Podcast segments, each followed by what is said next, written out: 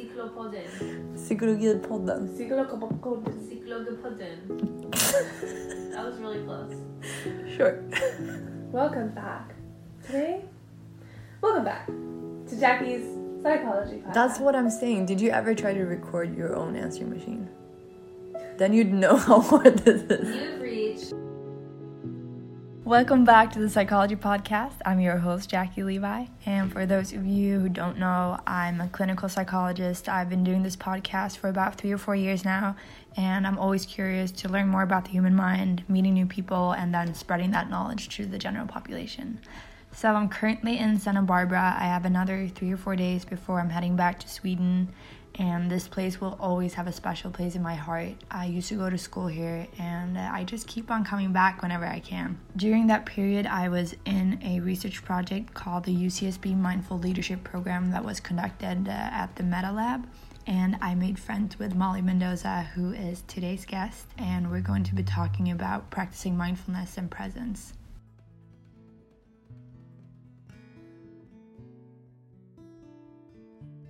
My name is Molly Mendoza, and I teach yoga teacher trainings, 200 hour trainings. I am fully, fully immersed and passionate about teachings of somatic movement, embodiment, and mindfulness. So I guide meditations, teach meditation. I also do private therapy work as well, um, a little bit of coaching and currently I'm living between California, Portugal, and London. A little bit all over the place, but really just inspired to be sharing this work. And yogic philosophy also is something I'm really inspired by. The beginning of my journey started with a difficult transition through emotional landscape, I guess, of figuring out what it means to feel happy, what it means to feel joy, what it means to feel present and alive within this physical form, noticing how the mind works, how the body works, and doing my very best to both share, teach, and facilitate practices which bring us deeper into a sense of vibrancy and vitality. Those have kind of been my words for the last little while is vitality. How can we feel the best that we possibly can in our minds, in our bodies, in our hearts, in our sense of ourselves? Vitality for me is a sense of well-being that stems beyond just feeling good in the body. It's it's a connection between what I would call mind, body and spirit, which is maybe thrown around a little bit now. We speak of mind, body and soul or mind and body and there's a sense of fullness that comes for me when in all parts of myself there's a sense of aliveness. It's a, a sense of being fully present with everything that is arising moment to moment on a spiritual level, on a mental level, on an emotional level, and on a physical level in the way that I'm relating to my life. So, what would you say is the most important aspect of a mindfulness practice? For me, mindfulness practice definitely has shifted and changed throughout my journey. I've been teaching yoga now for about five years and started teaching the trainings a couple of years ago. And more and more, I notice that the most important thing feels to be presence. Presence that just is always being cultivated. So it's not just being present in the moments that feel really good, it's being present in all the moments with all parts of ourselves. Not pushing anything particular away because of dis-ease or discomfort, but actually allowing ourselves to cultivate a mindfulness practice and presence is almost the gateway for that mindfulness is how it feels for me. Or it could be said to be the other way around also. Um, yeah presence feels key. Presence feels key. And how do you cultivate a practice like that? It's a great question because so often I feel we speak about mindfulness, we speak about spirituality, presence, all these things, and I always used to look at these concepts and kind of be a little wary in a way of like, there's a lot of this thrown around, but what does that actually mean? Like, on a grounded, everyday reality level, we're all going about our days. We all have our lives, our work, our jobs, our kids, our families, whatever it is. And so it's become really, really important to me when working with people to be really real, of not have these crazy ideals of what it looks like to live a spiritually connected life or a heart open or heart awakened life, or however you want to call it, and actually come back to the most basic thing, which is how can we wake up and cultivate presence throughout the day? I would say the first thing that feels super important, and I'll break these down into a few different practices that to me cultivate presence, and they're easy things to begin with. So, the first one I would say would be breath. And breathing is something I used to take for granted. The practice of breath work seemed like a slightly out there concept to me. And in yoga now I teach the the basic uh, pointings around pranayama and what it means, breath techniques of both expansion, retention. And before even getting into discussing something like pranayama, which is breath techniques, just the act of becoming aware of our breath, I feel like can make a difference to me between having a day where I'm in the parasympathetic nervous system, pretty calm, pretty centered, feeling grounded, and where I am running around really without a sense of myself, as if my feet aren't fully connected to the ground. And the bridge between where I want to be and where I am can be, and for me is, the breath. So that would be my first, I guess, suggestion or technique in order to access or feel this sense of presence would be to pause and to notice the breath.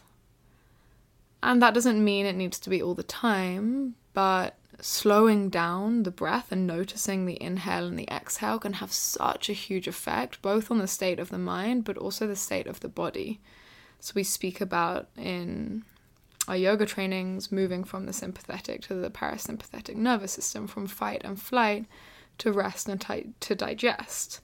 And ideally, when we move out of a stress response, we are in that parasympathetic nervous system. And so, using the breath as that bridge, as that kind of cross between one state to the other, can just create a whole different response to whatever is arising in your life. So, in any moment where something arises, challenging yourself to take, I would say, five to 10 breaths without doing anything else and just focus on that breath, in my opinion, can switch us from reaction to response. So that would be my first mindfulness practice or presence practice. And when you say bringing your attention to your breath, what does that mean if you break it down even further? Yeah, absolutely. We're breathing all the time. We're not noticing we're breathing, right? So when I say bring your attention or bring a sense of mindfulness to your breath, the idea is that we're directing attention. That's all it is. Our mind is not meant to stop because we're practicing mindfulness which is also a common misconception, yeah. is like, oh, I'm meditating, I must not have thought. And I feel like there's a big difference between thought and thinking, to go on a little tangent, which is the thoughts are always going to be there, in my opinion. There's no way that we can stop our thoughts happening. And yet, do we allow those thoughts to then move into a state where we're thinking? And for me, the difference is the attachment to them. So the thoughts are coming. Yeah, I'm always thinking. And yet, the mindfulness practice comes in where the state is noticing as opposed to running with it. It's like you're not tagging along for the ride. So, not engaging. Totally. Or. And also being aware of the difference between not engaging and pushing away because I really. Yeah. It feels really important to me to welcome all that comes and not to push anything away as what we resist persists. I guess not indulging. Not indulging is a great way, mm. totally, to say it because if we can just observe it in the same way we could just observe our breath, it simply means watching it. And it doesn't matter if a thought comes in during those five or ten breaths. Notice that thought too, and then come back to the anchor. So, in any meditation practice, I'll choose what I want the anchor for the meditation to be. What is it that we're constantly returning to? And is that the breath? Is it the sensation in the physical body? Is it the journey that the breath is taking in the physical body? So, if I was to guide a breath centered meditation practice, it might be the warmth or the coolness of the breath, or the space where the breath is entering the body, or where it's traveling to. So, when you observe your breath, maybe pick one of those and notice how it feels just to be breathing, or the breath as a whole. There's no one way to practice mindfulness and there's no one way to practice presence, but I notice that there are certain things that the more I bring my attention to them, the more they cultivate that sense of presence for me. What else cultivates presence? A sense of embodiment would be the next one. And again, this is a term that's becoming more popular. Embodiment practices, embodiment trainings, yoga teacher trainings. And I see them all as very interconnected and related. For me, a practice of embodiment speaks to feeling connected to my body and feeling like I am present within and inside of my shape. So I'm not constantly denying, disconnecting, pushing away, or controlling, but allowing the way I feel to come to the surface, to become aware of that, and to allow it to be there.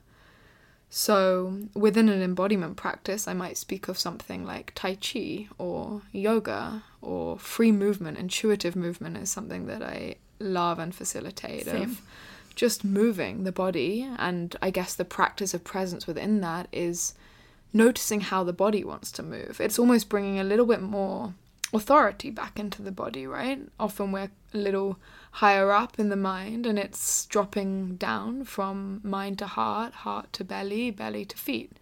We drop our presence all the way down in a way that we can feel how we want to move, or for example, in yoga, feel the feeling of our arms moving through the air, or coming into a certain asana, a certain yogic position or posture. And within that, the difference between just moving and a sense of embodiment is the presence. It's the presence within the pose. Are we in our warrior two stance, looking like the perfect yogi, but our mind is thinking about, you know, the date we had last night or whatever it is? Or are we fully embodying that pose? And the practice of embodiment for me, again, is in every moment. I love practicing embodiment when I'm driving the car because I'm completely still. And so often it's an opportunity to just go into the mind. But actually, how does it feel to be sitting here? How do my feet feel? How do my arms feel? How do my hands feel resting on the steering wheel? These little ways that we can practice being present inside of our shape and then feel comfortable within our shape, feel comfortable within the truth of however we are showing up in that moment in the body. And that speaks also to discomfort. You know, many of us experience pain in the body, we experience discomfort in the body, probably multiple times a day. And so the practice of presence and embodiment is also an incredible, incredible tool to also cultivate acceptance around whatever it is that is arising in any given moment and just becoming aware of it. Doesn't mean that it's not uncomfortable, but the practice ultimately for me alleviates some of that suffering, I guess. It doesn't mean that we're making it go away or that we're trying to push it away, but just by becoming present of it and breathing with it, there's a lessening. So the embodiment speaks also to the connection piece of presence. For me, being present feels also like a sense of connection to whatever is happening. So beyond the mind, beyond the body, we all have our own realities that are happening moment to moment. Can we be connected to that no matter what it is? Is a really, really challenging thing because it's not always what we want. you know? We we want to plan our days and we want it to look a certain way. We want our lives to look a certain way. And the practice of mindfulness and presence comes on a very micro level down to how we relate to each individual minute of every single day. Are we in resistance or are we in acceptance? And so when I speak of mindfulness, I speak so much about acceptance. And that doesn't mean do nothing. So often I feel like this practice of acceptance by reasonably type A sort people like myself is like, oh, but that means I won't get anything done. I won't go to work. I won't do this. I won't feed my kids. And actually, no, the practice of acceptance just creates so much space around what we're doing. The action is still coming, but it's coming from a spacious place where, okay, I'm gonna do all I can in this moment. I'll show up in the way I want to show up, but ultimately, I don't have complete control over how everything is going to turn out.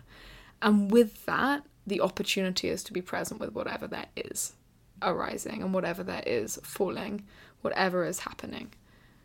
And so the practice of acceptance comes with presence. The concept of equanimity is not denying something, but not also craving for anything, but being at ease and in acceptance of whatever it is. So, be that a challenging emotion or a challenging feeling inside of the body.